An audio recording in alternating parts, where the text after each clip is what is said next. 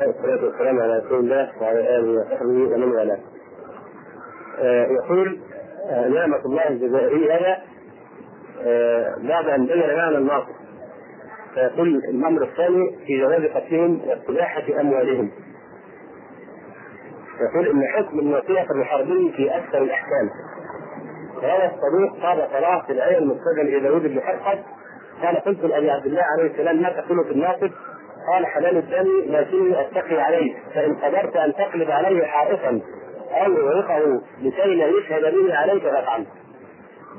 قلت فما ترى في ماله؟ قال كله ما قدرت.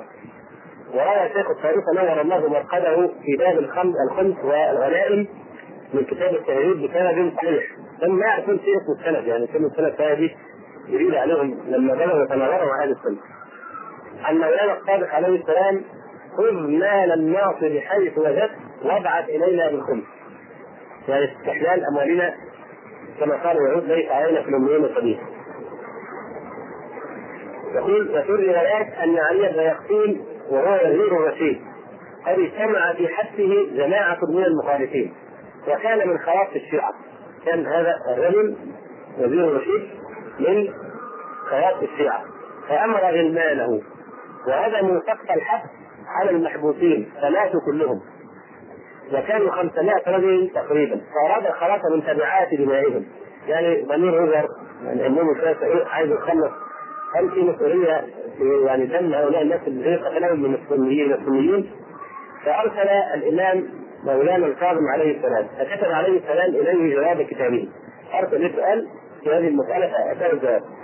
لأنك لو كنت تقدمت إلي قبل قتلهم لما كان عليك شيء من دمائهم بحيث إنك لم تتقدم إليه. فكفر عن كل رجل قتلته بسيف والسيف خير منه. يقول النعماني الجزائري في كتاب الأمراض النعمانية هذا رجل الشيعي آه نعمة الله يقول انظر معلقا يعني على هذه الفترة من الكاظم المنسوبة إلى الكاظم يقول انظر إلى هذه الدية الجميلة التي لا تعادل دية أخيهم الأصغر وهو كلب الطير. فإن ديته يسرون درهما ولا دية أخيهم الأكبر وهو اليهودي أو المجوسي فإنها ثمانمائة درهم وحالهم في الآخرة أخف وأنجز. هذه في الأنوار النعمانية للجزائري الجزء الثاني صفحة سبع وسبعة سبع وثلاثون. هذا بالنسبة لبعض النقول في أمر يعني حكم الشيعة علينا. يقول الدكتور أحمد الأهواني شيعة هذا الزمان لم يتخلوا عن تقيتهم يوما واحدا. فقبل ربع قرن تقريبا التقى يدخل من الحركات الإسلامية في العراق يوجه من زعماء الشيعة فيها لتسوية بعض القضايا بقصد تقريبهم إلى ديننا الحنيف.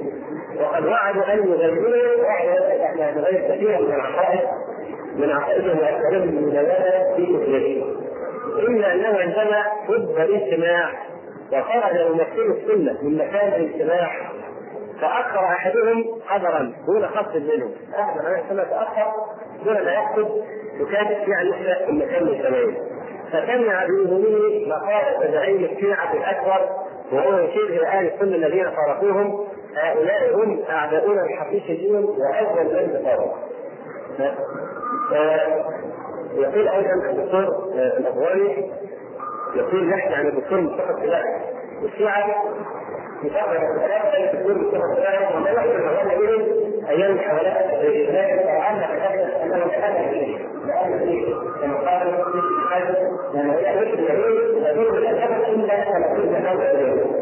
فيقول الدكتور مصطفى يجاهد المسلمين تحول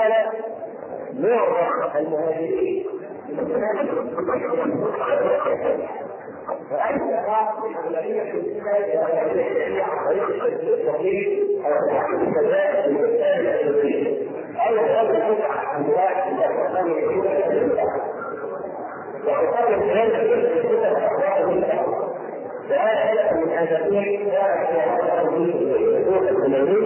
ولا يزال مذاهبهم الشيعة يعرفون من هذا والباء والرحمن ولأنهم لم يجدوا كما جاء الآن الدولة الواحدة وما زال عبد الشيعة خفيات حتى لا يتخذون أبناء الشيعة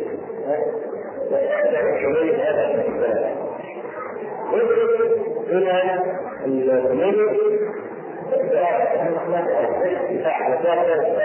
الحكومة الإسلامية التي تدعون إليها هي الحكومة الإسلامية القديمة يحاولون الإعلام أنها عمل فاسد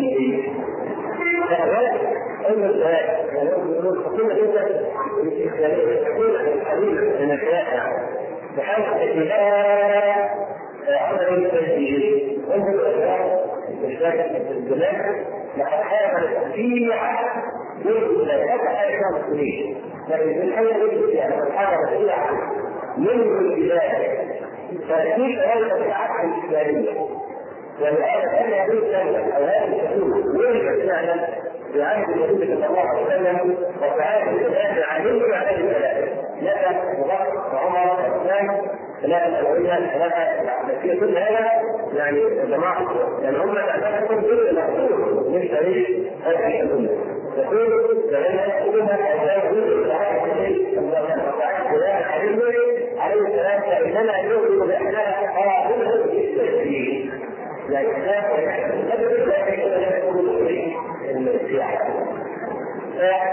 يعني هو على يعني ظلمه واعتدائه على مقامات الصحابة الكرام هذا فيما يتعلق أيضا ببعض يعني هناك رجل اسمه احمد ابي راشد هذا حاكم قوم السائل فالإسلام فيها يعني نسبه كثيره من يعني الناس اللي هم عرب أو يجيب يكون في الحكم الشمالي يقول إن العرب يعني العرب الذين هتفتح في الإسلام.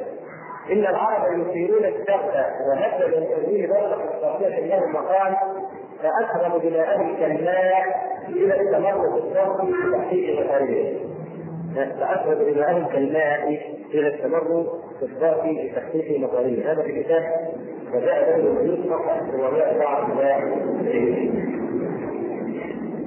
فهذا فيما يتعلق بنظره الشيعه إلينا ما ترى أهل السنة. هنا أمر هام وهو يتعلق بفتاوى بعض العلماء السنيين في حق هؤلاء الروابط. معلوم كما نتابع الشيعه أخذ رئيس الأحزاب حتى يكون بعض العلماء إن وراء تفاوت لا حياء من أجهل الناس في علم وأكذبه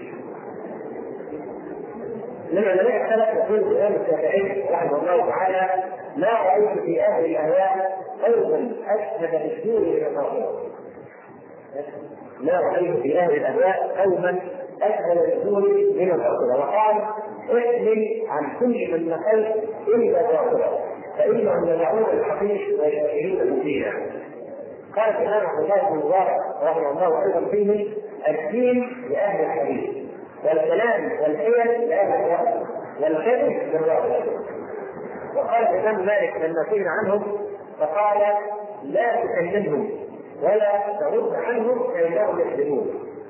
ويذكر الرافضة في مجلس الإمام مالك رحمه الله أنه قد ابتلع الصحابة فقال الإمام مالك هذه الآية محمد رسول الله والذين معه على الإسلام والإسلام لهم سواء الساعة الثلاث يشترون من الله ورضوانا في لا فيه من أسد السجود إلى قوله سبحانه وتعالى يرزق الراحة بجاهليته الصالح فقال الإمام مالك مالك من ابتغى عند ذكره فقد أصابته تلك الآية.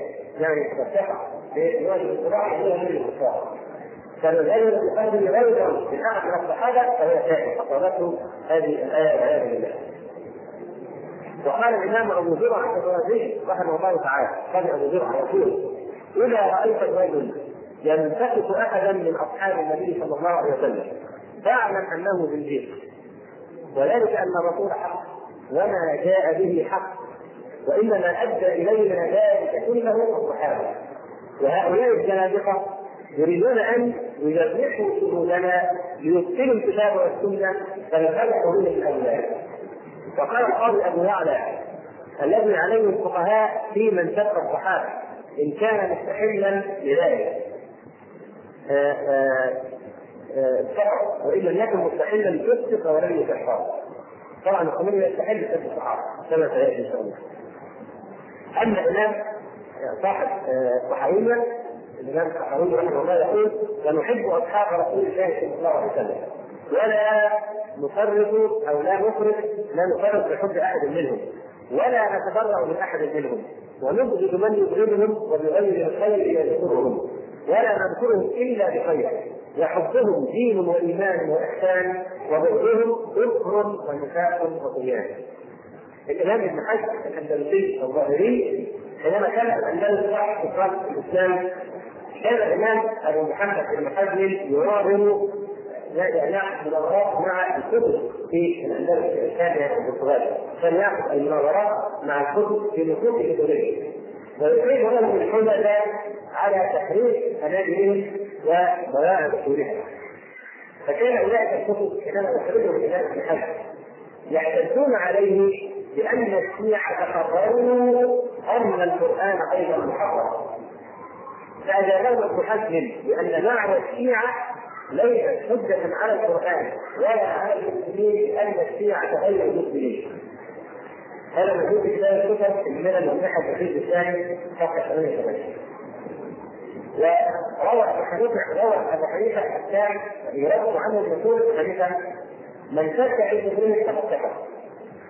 ورد عليه أيضا شيخ الاسلام ابن تيمية في كتابه منهاج السنة والذهبي في المنتخب من هذه الاحداث والمختلف في معظم كتبه وابن كثير في تاريخه وابن الجوزي والقاضي ابو بكر بن العربي في كتابه الأعراف من الخوارج.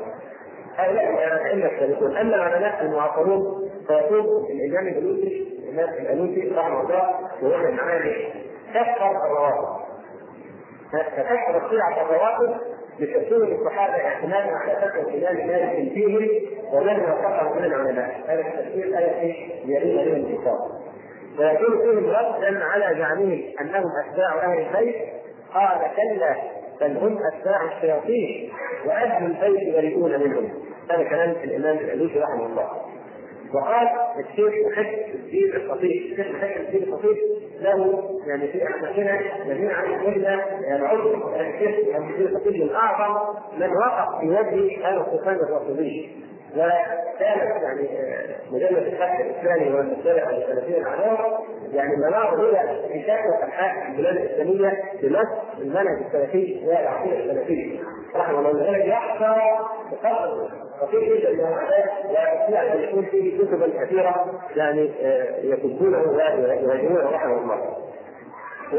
ورأيت بخطه في بعض الكتب في مكتبته رحمه الله بعض كتب الرجال كتب رجال الشيعة أشار إلي يعني من أحد ولي كتب قال هنا هذا المكان كان يأتي الشيخ محمد بن خفيف مع الشيخ حسن بن رحمه الله مع الكتب السنة الثالثة كتاب من كتب الشيعة وأشار فيه أن كيف يحدث التقرير وهذه الكتب حتى كان كتب المعتمدة عندنا كتب بالله فوجدت فرق في تعليقات على بعض المواضع فيها منتهى الاستبداد منتهى الاستبداد يأتي مثلا مثلا أنا ما اذكر مرجع اشياء بالضبط مثلا ياتي إيه ترجمه عبد الله بن مسعود يقول مجنون مجنون يعني ما يعرفوش حاجة مثلا مش عارف يقول الاستعداد أتوا على جيش خالد بن الوليد يهتموا بالصحابة الذين فتحوا الملاذ الذين نصروا الإسلام مثل عمر بن الخطاب بالذات يحظى بخط خطير من العداء بالنسبة للشيعة يقولون عمر بن هذا هو الذي حول الدولة الفلسطينية.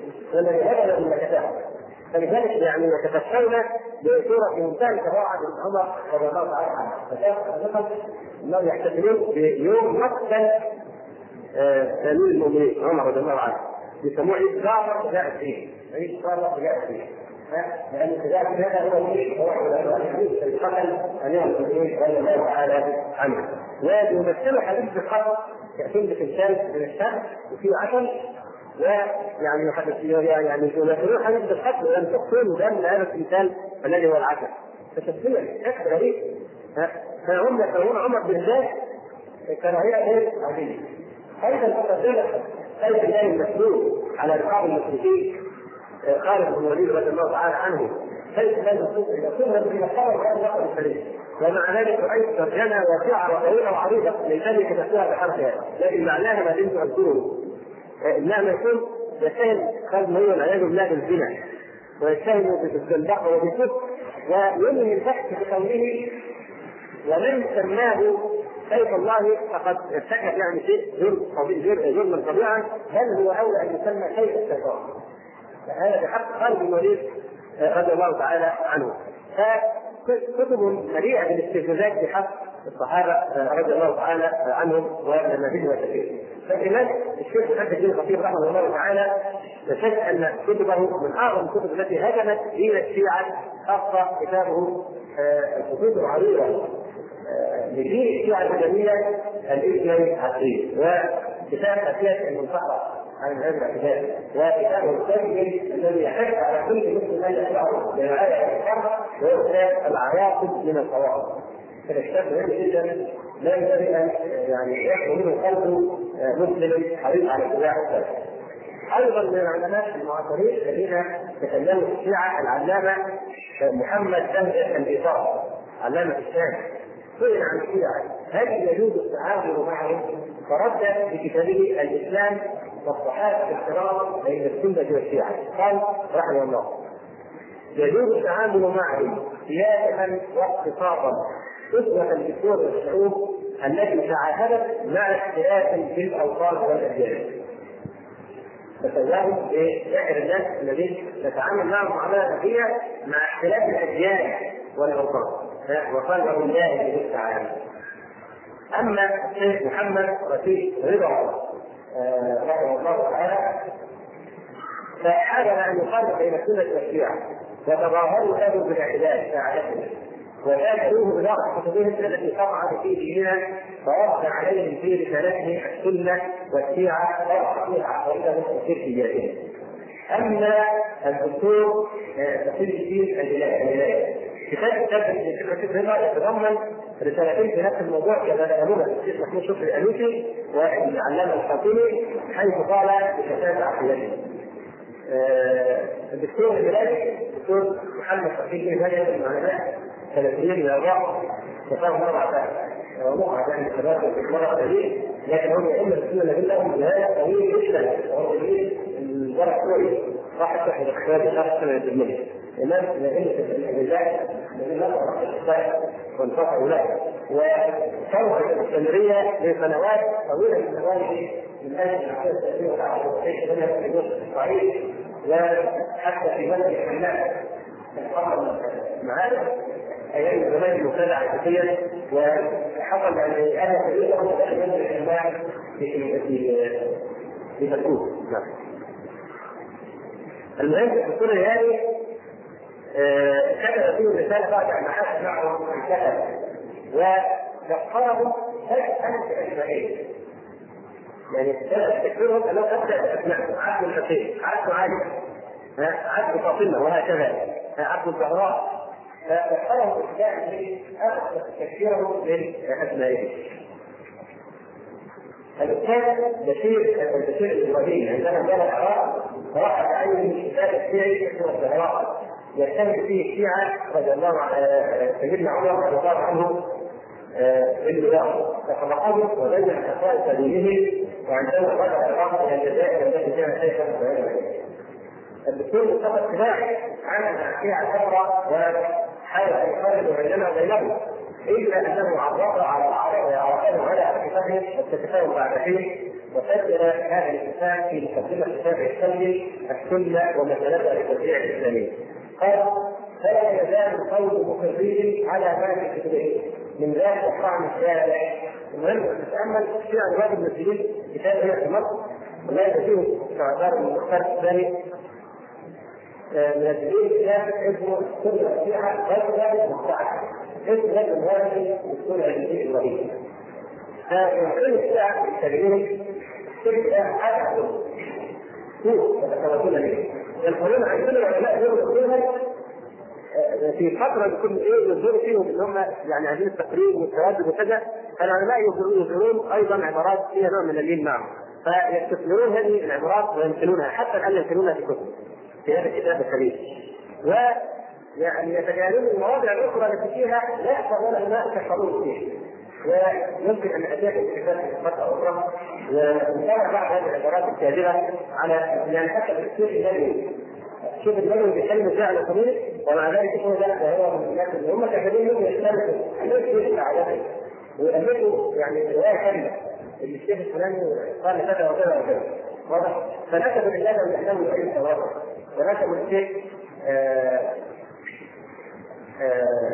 مصطفى أيضا مش شريك صار بعيد في الشيء يعني والموجود علماء كثيرين جدا فسروه كمجنون طبعا من من أعظم الأئمة الذين تفضلوا الشيعة في هذا الزمان العلماء الكليين الكرام الشيخ الاسلام الهادي الرئيس معروف بهذا الطريق شرح كان سببوه قبل اغتياله مؤخرا من حوالي أربع أو خمسة شهور. فهو ترجم عن كل ما ذكرته في كتبه. وإلا يعني تلقى في ذلك. فقال نحفظ وترجع امري بقطع تحريف الكتب التي نقلت منها الكتب. يعني كتب أنا نقلت من كتب يعني الشيخ الإسلام ده غير كان يلتزم في مؤلفاته ألا يأتي بكلام من عندي يدخل من مراجعه فقط. فقال أنا موافق وضع كل ما اقوله بشرط التحريف عنكم الكتب التي نقلت منها كتبي ففعل كان وكان يقول حوالي 10 علماء من العلماء في الاسلام وكتب رحمه الله تعالى. المقصود بالفكر الشخص لا يقول فلا يزال القوم مصرين على ما في كتبه من ذلك الطعن الجارح والتطوير المحدود لما كان بين الصحابه والخلاف. فان المقصود من دعوات التقريب هي تقريب أهل السنة إلى أهل الشيعه لا تقريب المذهبين بعضهما مع بعض ثم قال ويكاد المسلم يقف مجهولا من هذه الشرعة البالغة على رسول الله صلى الله عليه وسلم. ليس يعرف الايات تعتبر الثوب من الفرق الذين الثوب من الكبر إلى الكفر أو ممن اسلموا ولم يستطيعوا أن يتخلوا عن كل آثار ديانتهم القديمة. فانتقلوا إلى الإسلام بعقلية وثنية لا يهمها أن تكذب على صاحب الرسالة صلى الله عليه وسلم. الاستاذ الشيخ ابو طالب موجود رحمه الله تعالى قدم اسمه الرجله بين الأمس واليوم. للاستاذ محمد كاظم حسين سنه 47 فمعنى كثير موجود يقدم الكتاب ويعتمد هذا الكتاب. يقول فيه الأستاذ محمد كاظم عن الشيعه الاماميه الشيعتين يقول هؤلاء الاطمع في فانهم يفتحون في الفقه كما تفتح الكريات البيضاء يقول هؤلاء يفتحون في السوق كما يفتح الكريات البيضاء الدمي أو كما يفتح السمك في الماء. وطبعا معروف أيضا موقف العلامه القراني الشيخ محمد أمين التنصيري رحمه الله حينما جاب بعض ايات الشيعة حينما جابوه لمناظره به فقال لو كنا نتحد على أصول واحدة لنعرف الأصول ولكن لنا اصول ولكم أصول وبطولة الحقه لكم دينكم ولنا وبطوله الاربع لنا دين ولكم دين وفوق هذا كله أنتم أهل كذب ونفاق. طبعا هذا كلام شخص عارف بحقيقه الشيعة ومصائبه. الأستاذ الدكتور عبد الله محمد الغريب يقول في كتابه ولا المجنون تنبيه بعض طلاب العلم اليوم يتحركون من وصف الشيعة بالكفر أو الشرك الأكبر.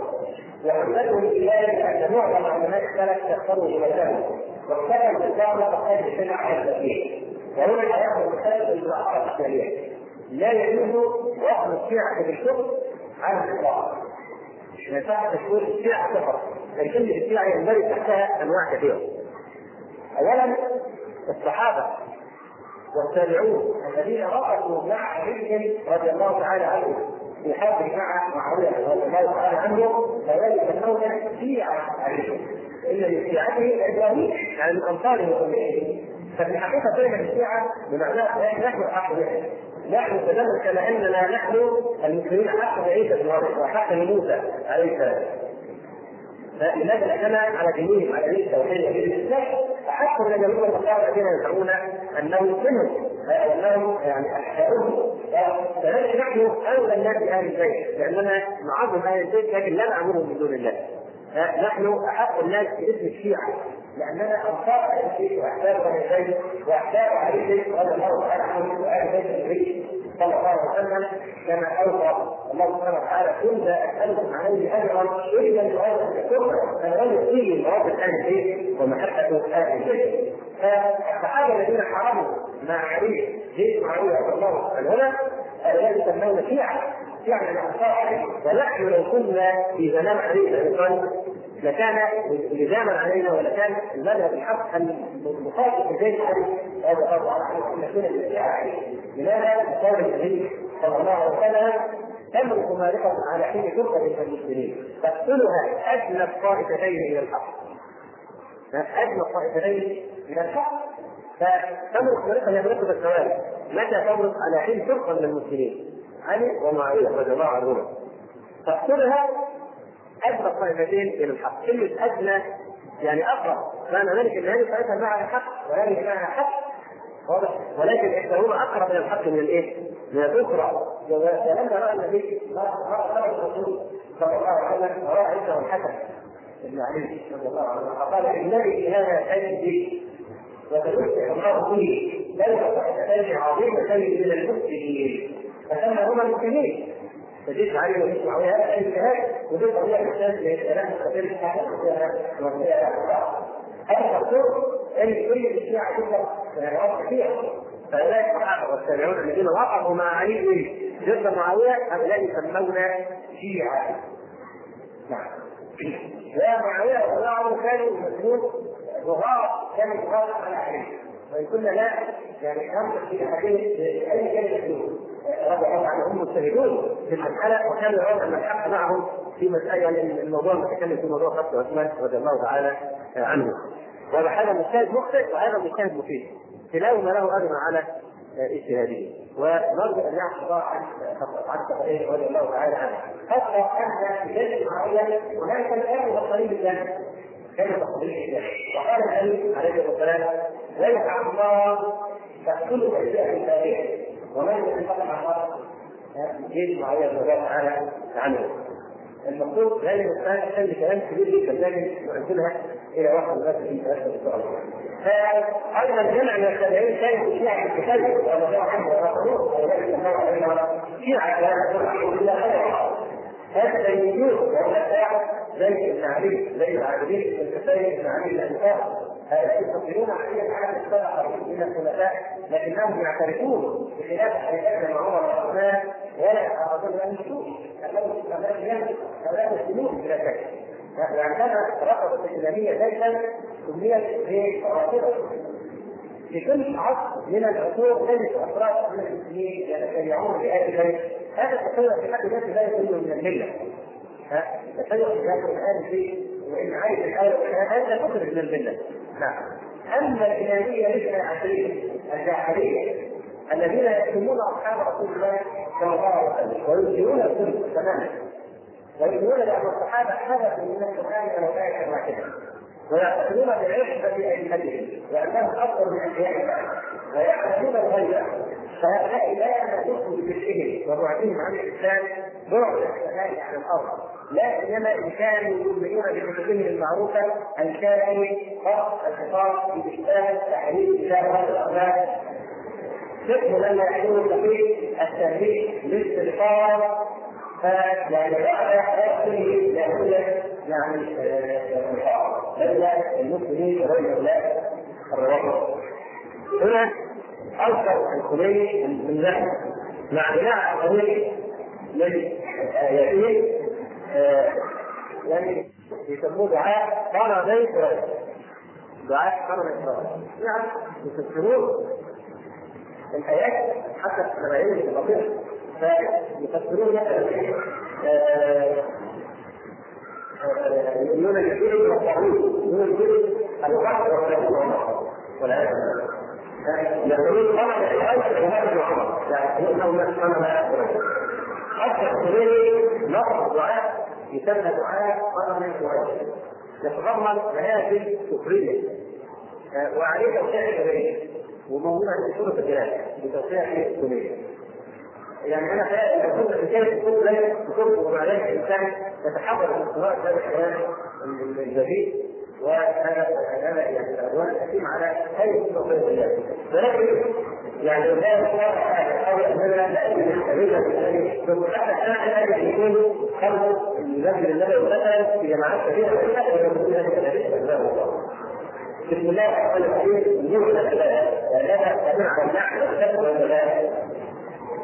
بسم الله الرحمن الرحيم. اللهم صل على محمد وآل محمد. اللهم صل عن صنم اسرائيل وبه سيدنا وطاعه سيدنا وإذ سيدنا وابن سيدنا يقصدون إيه؟ عائشة وحفصة لا يطاعون وابن سيدنا الذين قال أمر وأن شرع يحيى وجحد انعامه وعقل رسوله. وقال دينك وحقق كتابه واحب أعدائه. وجحد اهله واعطى أعدائه. واعطى فرائضه والحد في اياته وعداء اوليائه وعداء احياء وقضاء قياده واعتدى ذلك سبحان الله. جعلت الايه التي يعني هذا الصحابه الذين جاءوا وذهبوا الاسلام والنحو والله وكل شيء كان فيه لكن جاء هذا الذي يفعله الصراحه اسلام الله يقول اسلام الله الله الله يقول هذا اللام عليه هو اللهم صل عليهما واتى عنهما واتى عنهما واتى عنهما ومحبهما فقد اقرار بيت الحقوق ورد العباد ونقل الصحبه واتقى سماءه الأرض وعليهم ورجعه باطل إلى اخره كلام كثير. لقد رأت هؤلاء الله وفضله ورحمته فذهب إلى الاسد واشرق إلى ربه أو ذهب أمر كثير.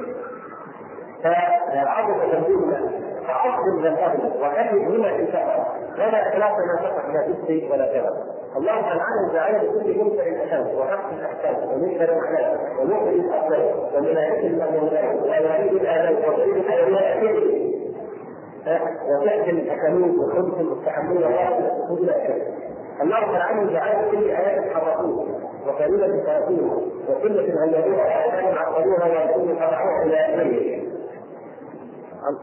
كتير الله عنهم في مكتوم في مكتوم السر ورغب اعلاميه لعنه كثيرا وابدا دائما فلهذا الناس قاعد على العلم لا هذا الكلام لعنا لهم ولاعانيهم وانصارهم إلى اخره شك غريب قيل لهم الذين اليهم الناهزين لاحتجاجهم والناهزين باشركهم والمقتدين بكلامهم والمتفقين باحسنهم كل أربع مرات الله يعذبك عذاب الحديث في أهل النار دائما أربع مرات ثم تقول أربع مرات اللهم عنهم جميعا اللهم صل على محمد وال محمد تكون بحياتك عن حرارة إلى كل هذا علم ابن عمر بن الخطاب رضي الله عنه يقول كل كلثوم كل يقول الزهراء وعلي وعلي بن ابي طالب حسب الحسين اله الا الله فسيدنا عمر كان متزوج سيدنا علي رضي الله عنه كان سيدنا علي كان اسمه سيدنا عمر ولوين اللي يعيش في الشيعة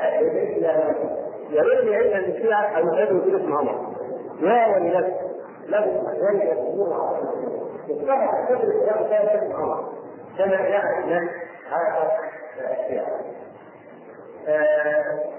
نشأت خمسة أنا عليه كثيرا كنت أحب الاتصال حتى كان عدد الصلاة حتى يكون في مشقة عليه ولكن نحتاج لكلام حتى تنتهي أن ناخذ الفكرة الاساسيه ونحاول ندخل المره دي.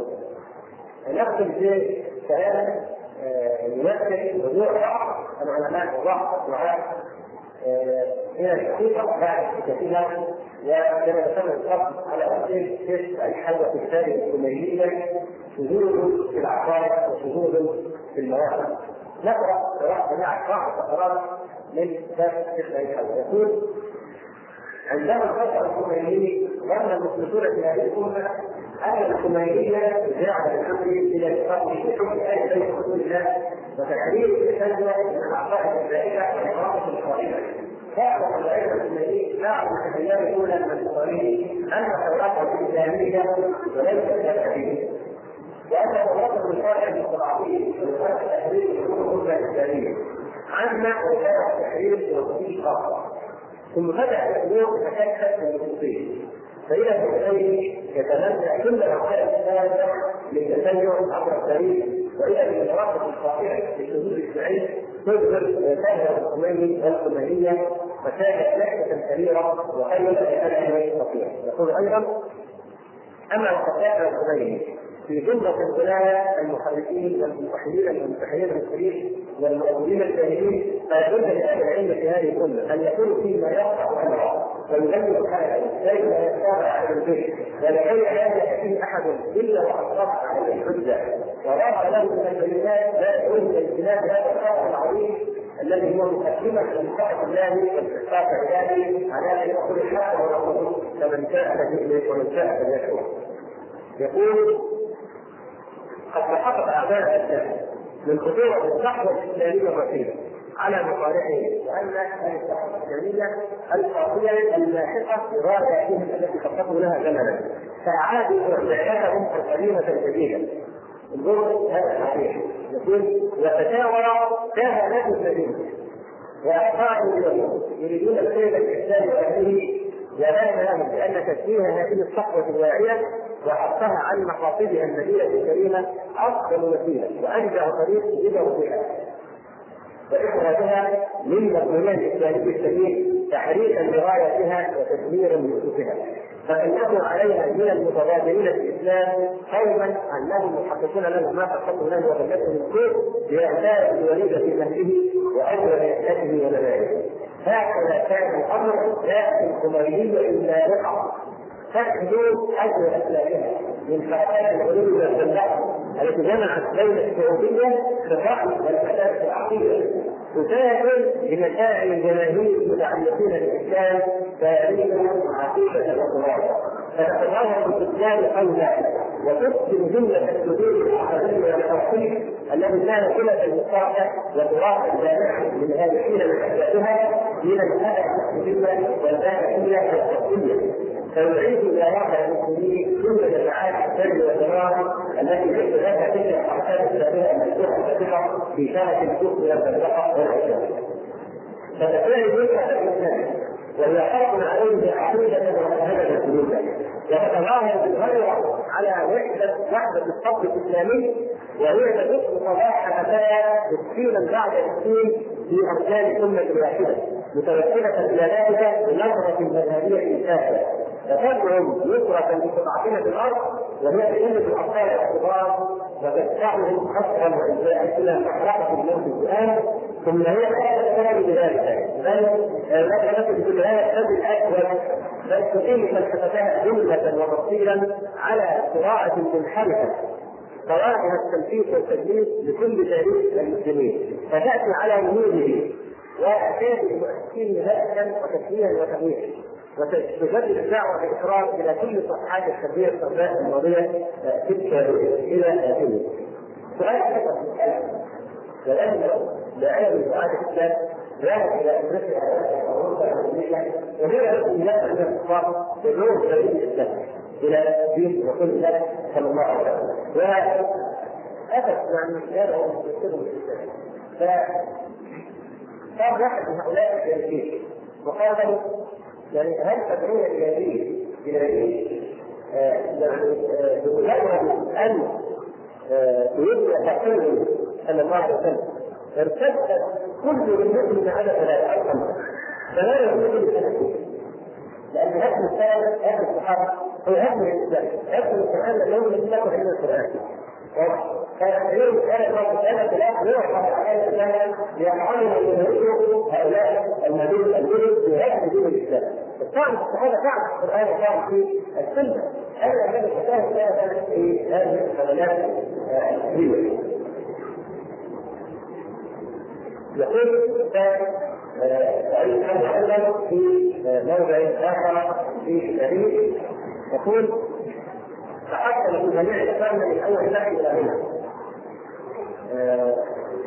يقول ان يعلم كتاب أهل السنة والجماعه من هذه الامه راي الخميني في أهل السنة من الجماعه العامه طبعا من اساسياتهم الشيعه وقاعده العامه يعني إيه كلام العامه؟ يعني عندهم اذا شكيت في أمر صح ولا غلط انظر صوت العامه بيعملوا إيه وخالفهم فالاصابه دول تكون الحق في في في مخالفه أهل السنة، لا نحن نقول تكذب الكفار حرام ثم يكونون تكذب بها في أهل السنة والناس الحرام.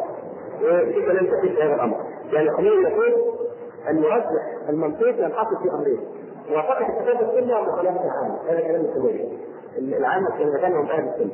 يقول فليحذر الا فليعلم شباب أهل السنة والجماعه من هذه الأمور.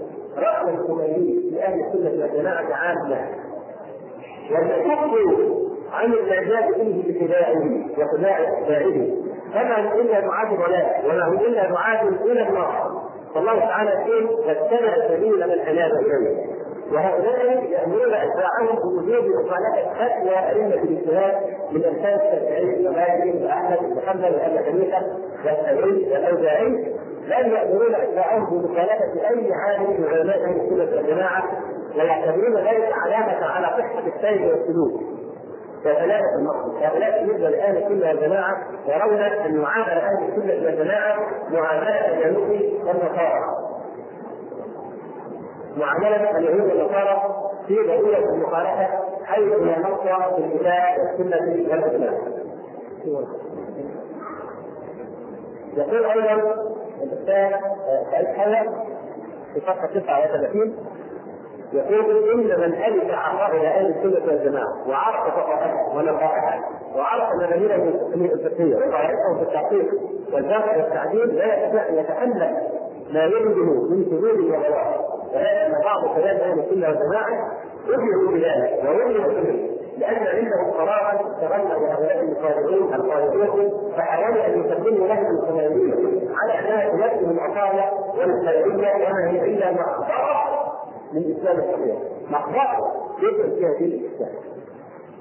يقول وما هي إلا مقبرة من الاسلام الصحيح ومحاولة لبدء الإسلام وأهله شباب الأمة الإسلامية انتبهوا ويقول أيضا حفظ الله قولا اخر في هذا الإسلام يقول هذه بعض المواقف الخمينية السابقه ومن قبل رساله بعض الأعمال السابقه لأن الخمينية هي تلاقي الاعمال السابقه ولغايه التاريخ السابق وإعطائها رقما جديدا وساعد على الرجل السفر تطبق كلام السنة والجماعة يعتمدونه بهذا الإسلام فقالوا الصراط ماء ورموا الكمالية بدولة الإسلام لأن الجماعة وقعوا والولاة كفروا وإن الزمان إلى دولة الإسلام لا أن يكون أو الكلام ولا ينبغي أن تنطوي عليه الحيلة فمجتمع الكمالي ليس مجتمع حق وهو أحد أعراف الحياة الإسلامية الحديثة تحت الحركه الاسلاميه وليس مجتمع حرية وهي أحد أعراض الحركه الاسلاميه الحديثه وليس مجتمع قوه لأول الاسلام جزء من الكتاب الصحيح القوه إحدى أعراض الحركه الاسلاميه الحديثه فليس لها الأمة تطلعوا إلى ذلك الحق يقول لا أعلمكم الخمينية فلذلك الإسلام ليس فقط والعبودية ولعل في الأمة الإسلامية الأخرى وكان الخمينية حديثة فقال لا مع اسرائيل وتعبير الشافعي معه حديث على من على لم ياكل ذلك عن ميراث الشيعه الا التناول للحياه واحداث الله ولامر الله ذكر رسول الله صلى الله عليه وسلم في الحديث الصحيح أن الانسان يخرج من خرافات لأنه يخرج مع الانسان يدعون انه النبي عليه السلام وهو أيضا اجمع موافقه الصراط الاسلامي لأن خرافات عرف الباطنيه السوداء المحاسبه وأخيرا نختم بقوله حفظ الله.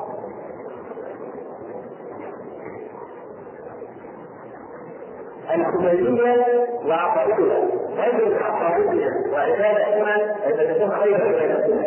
منام الجاهلية لم يكن من بحياتها لأن الأصل عندهم لا يكون الأصل المخالفون كما كان في الشركة الإلهية يدعون الكافرين إلى النار ويكذبون على سبيل المسلمين إلا بعض من يحتمل الجهد الوعد راحة من الوعد فيأتي به فترة من وإلا بعض من يحتمل الجهد العلم القول عن إدراك بعض الخمينية فكانت بذلك طبيعة هذه الأمة ولذلك فإن من ذلك أهل أن يتخذ أعلم على أمر هذه الخمينية ولكن أهل العلم أن يطلق احكامه والسنته ضد لقد كان لهذا الطاعون ان ينحدر عن الأرض الإسلام. وآن لغايته أن يكون مخزوزا فالأمة الإسلامية عليها أن تفتح إيران بالعقائد الإطلاقية الكبيرة كما يجب عليها أن تلغي تهديدات خطيرة لهذه الأمة. وليعلم أصحاب الأحلام المأجورة والأمثلة المكروهة الذين لا يزالون يغيرون الأمة. لذلك المجتمع الإسلامي وليعلم أصحاب الأحلام المأجورة والأمثلة المكروهة الذين لا يزالون يغيرون الأمة بما يكتبونه وبما يكتبونه. ان الله يحاسبهم على ما ظنوا واضلوا فليس لهم حجه في ان ينكروا الخمينيه يعني من كان في حب الخميني لكن لا يسعده الله ان يحتاط مع الخميني لأن المرء يحصل مع لا طبعا لا احد الشافعي أنا اقصد اذا على ما هو عليه الان يعني ما هو عليه في كتب من العقائد والدلالات يقول سيد حواء فيحاسبه الله على ما ظنوا واضلوا فليس له حجه في أن ينكروا الخمينيه يطلق الخمينيه خيانة لله ولرسوله والمؤمنين. ألم ما فعلته الخمينية وحلفائها في أبناء الإسلام حين تمثلوا ألم يعلموا تحالفات الخمينية وأنصارها مع كل عدو للإسلام؟ لقد آن لكل من له أذنان للسامع أن يسمع. له أذنان للإبصار أن يبصر فمن لم يسمع فمن لم يبصر ولم يسمع حتى الآن أنا الذي يبصر ومن لم يسمعه فهؤلاء أنصار السفارة والحلول وأنصار المسلمين والاستعمار وهؤلاء الجديد ينصرون كل عدو الإسلام والمسلمين. وينزلون بأيديهم كل ما عجز عنه غيرهم من أعداء الإسلام والمسلمين.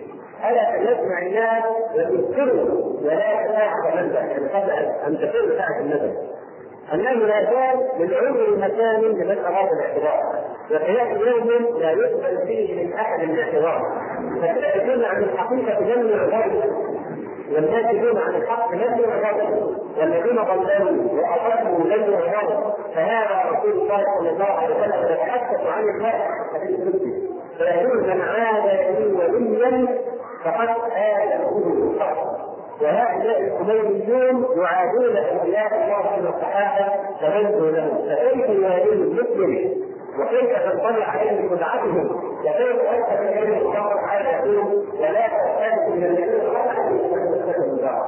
وهؤلاء الخمينيون ظالمون ومن بعض ظلمهم أنهم يظلمون الايات وعمرها عجيب الرساله اللي ذكرها اللي هم تفسير الايه لما تيجي كده اخلاق القران كان هنا انما اخذ معه النبي عليه السلام خشيه ان يثبت إيه؟ الصبر على مكانه. الامارات رضي الله عنها حتى 100 يقول ان هو في الجاهليه قاعد كامله قال له الشيخ فقال النبي النبي في العرب فانتبه فيأتي كأنه اختار زمانه ويكون موجود القضية. إذا أردت منه يعني إيه؟ اكتب في دينه وتبعه فيكون هذا المثل فيكون إذا ممكن أظهر الإسلام وتمكن الكفر. طبعا في الكفار والعياذ بالله فيجب أن أعداء هذه الحمل لأن عاصمه الشمس اشد عدو للصحابه من بينهم كما كان الوقت عمر. أيضا يهتمون جدا بهذا ابي هريره ابي هريره الاسلام اعظم من روى عن النبي كان السنة وحد السنة هريره السنة وسائل الحديث ولا يجب ابو هريره إن هذا من السنة النبويه في معظمها ولذلك ابو هريره اعداء الله والصحابه عدو الدنيا النبوي الثابت من الشيعه تعرف ابي هريره يعني لا تقارن النبي صلى الله عليه وسلم كان يستفيد بالشبع ليحصل هذا السنة ما يقبل لنا شيء. يعني يستطيع أن يصير به. دينا يعني يقول الانسان الأول فهؤلاء الخمينيون الظالمون وفي اخر من الله يقولون على وعمر فتجد يمين المسلم والله تعالى يقول وكذلك يولي الله بعضهم بما كانوا يكسبون إنه لا يواليهم إلا ظالم ومن يرضى أن يكون ظالما لأبي بكر وعمر وعثمان واهل عبيده طلحه وسلم ومن يرضى أن يكون من شق الكفار والصحابه وان في هذا لا الناس اللي بيحلوا عنا أعداء الشيعه وهذا فرق بين الجنه يقولون السنة ثابته في خمسه واحد مع أمريكا وروسيا واعداء الاسلام لا تتكلم مع أمريكا واسرائيل وهيعمل في خمسه ثلاثة معنات يصل في الخمسه المقام كان الصحابه وائمه الدين لا كله إحنا نحن مع ضد الصحابه والذي هو عمر عثمان الثاني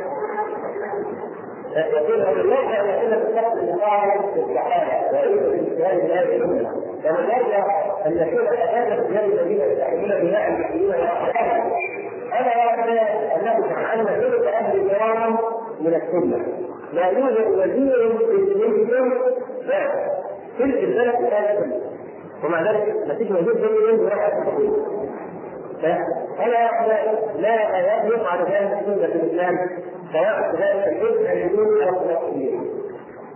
أنا أعرف ماذا يفعل حديث العراق حاكم الاسد بالإسلام والمسلمين. أليست هذه الأمور كافيه للتصحيح ويدفع بذلك عذر لمخدوره ألا إنه قد حدث المخدوعين على انفسهم انهم أعداء لهذه الأمة وانهم أعداء للسعوديه لانهم يتآمرون على مستقبل ابنائهم فهل كل يوم ثم يحكم الاسلام يعني حول هذا العراق فيها أيضا فيقول اللهم إني اظهر اليك من الكلام. والكلاميه ومن كل من وايدهم واحلفهم وتحالف معهم اللهم آمين. وصلى الله على سيدنا محمد وعلى آله وصحبه وسلم. سبحانك اللهم وبحمدك. إن حب آل بيت رسول الله صلى الله عليه وسلم فريضة شرعية على كل مسلم.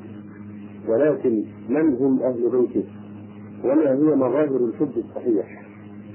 لا شك أن آل البيت هم ذوي قرباه المستجيبين لهدايته. ولا شك أن المظهر الأرقى للحب هو المودة القلبية والاتباع الظاهري. ومن كذا الأمة الإسلامية تتقرب إلى الله بحب آل بيت رسول الله صلى الله عليه وسلم. ولكنه عبر شعار حب آل البيت ولد التشيع الشاذ الذي ظهر عبر التاريخ بعقائد فاسدة ومواقف خطيرة قائلة. وعندما انتصر الخميني ظن المخلصون في هذه الأمة أن الخمينية إرجاع للأمر إلى نصابه في حب آل بيت رسول الله صلى الله عليه وسلم وتحريم التشيع من العقائد الزائفة والمواقف الخائنة خاصة وأن الخميني أعلن في الأيام الأولى من انتصاره أن ثورته إسلامية وليست مذهبية وأن ثورته لصالح المستضعفين ولصالح تحرير شعوب الأمة الإسلامية عامة ولصالح تحرير فلسطين خاصة. ثم بدأت الأمور تتكثف للمخلصين فإذا بالخميني هذا يتبنى كل العقائد الشاذة للتشيع عبر التاريخ وإذا بالمواقف القائمة للشذوذ الشيعي تظهر بالخميني والخمينية فكانت مكسة كبيرة وخيبة أمل خطيرة.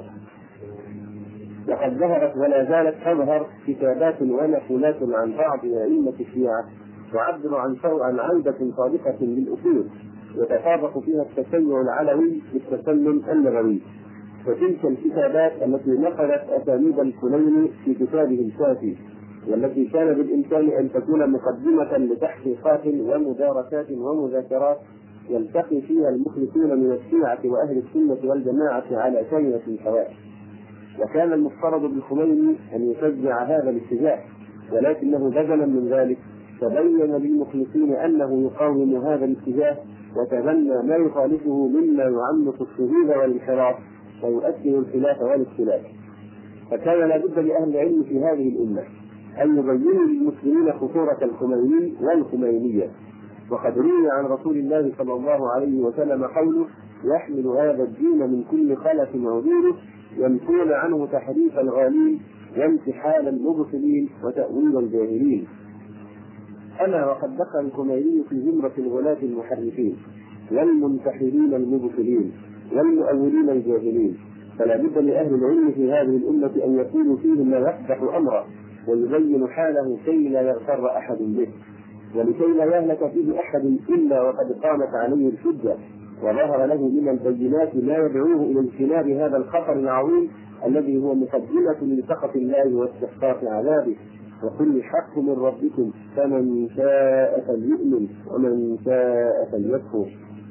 هذا هو الذي دعانا لكتابة هذه الرسالة وخلاصة السبب هو أن المسلمين استبشروا في مشارق الأرض ومغاربها بتيار الصحوة الإسلامية المعاصرة آمنين أن تعيد إليهم مجدهم الغالب وسلطانهم الزائل ووحدتهم العقدية التي بها يواجهون تحديات عصرهم التي صارت تحيط بهم من كل حجر وصوت وجهة ومكان.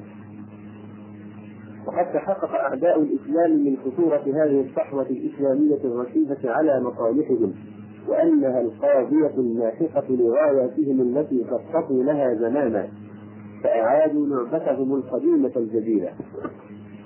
وتساور كهنة النبي وأحباب اليهود يريدون الكيد للإسلام وأهله. وبان لهم بأن تشويه هذه الصحوة الواعية وحرفها عن مقاصدها النبيلة الكريمة. أفضل وسيلة وأنجع طريق لضربها وإخراجها من مضمونها الإسلامي السليم تحرفا لغاياتها وتدميرا لأسسها فسلطوا عليها من المتظاهرين بالإسلام قولا علهم يحققون لهم ما خططوا له وبيتوا من سوء يغتال الوليد في مهده وأول نشأته ونمائه. وهكذا كان الأمر. جاءت الكمينية المارقة. تحذو حذو أسلافها من حركات الغلو والزندقة التي جمعت بين السعودية في الرأي والفساد في العقيدة تتاجر بمشاعر جماهير المتعلقين بالإسلام تاريخا وعقيدة وتراثا. فتتظاهر بالإسلام قولا وتدخل جملة السجود العقدي والحركي الذي كان سنة مشتركة وتراثا جامعا للهالكين من أسلافها. من الأبى مسلمية والبابكية والصفوية فيعيد إلى واقع المسلمين كل نزعات الشر والدمار التي جسدتها تلك الحركات المزبوهة الساخطة في شرف الكفر والزندقة والعصيان. وتعيد إلى الأذهان كل مخططات البرامج الباطنية القائمة على التدليس والتلبيس فتدعي نصرة الإسلام وهي حرب عليه عقيدة ومنهجا وسلوكا. فتتظاهر بالغيرة على وحدة الصف الإسلامي وهي تدق صباح مساء إسكينا بعد إسكين في أركان الأمة الواحدة. متوسلة إلى ذلك بنظرة مذهبية ساذجة وتزعم نصرة المستضعفين في الأرض وهي تجلد الأطفال والصغار وتدفعهم حسرا وإلجاء إلى محرقة الموت الزئام ثم هي لا تكتفي بكل هذا الشر الأسود. بل تقيم فلسفة هادية وتصفية على قراءة منحرفة سوى التلفيق والتدليس لكل تاريخ المسلمين. فتأتي على رموزه وأكابر مؤسسيه هدما وتشويها وتمويها. وتجدد الدعوة بإصرار إلى كل الصفحات السلبية السوداء الموجودة في التاريخ والتي ظن المخلصون أنها قد بادت فليس من مصلحة المسلمين. ولا في صالح الإسلام إعادة قراءتها من جديد. فلقد خاف الجميع من شرها ما لا يحصره كتاب وهكذا أيضا خلقت الحميمية في منهجها الحركي الفاسد المدمر كل توجهات الحركات السرية الباطنية ومناهجها القائمة على التلقين السري والاعتصام بالسقية والاستنجاد من المجوسية لتتحول في الغاية والنهاية كأخواتها في التاريخ إلى مدرسة ممتازة للغدر والمقاتلة وإلى منهجية شريرة ذات شعب ثلاث إفساد للعقيدة وطمس لمعالم الإسلام وتشويه لمقاصده النبيلة ورغبة في السيطرة والهيمنة قد غلفت بشعارات خاضعة. وستتضمن هذه الرسالة فصلين وخاتمة الفصل الأول في العقائد الشاذة وتبني الخميني لها. والثاني في مواقف الخمينية الشاذة أما الخاتمة فستكون حديثا إلى أبناء هذه الأمة في ضرورة التمسك بعقائد أهل السنة والجماعة لأنها الحق والعدل ولأن الانحراف عنها هو الطريق إلى سخط الله والنار وآخر دعوانا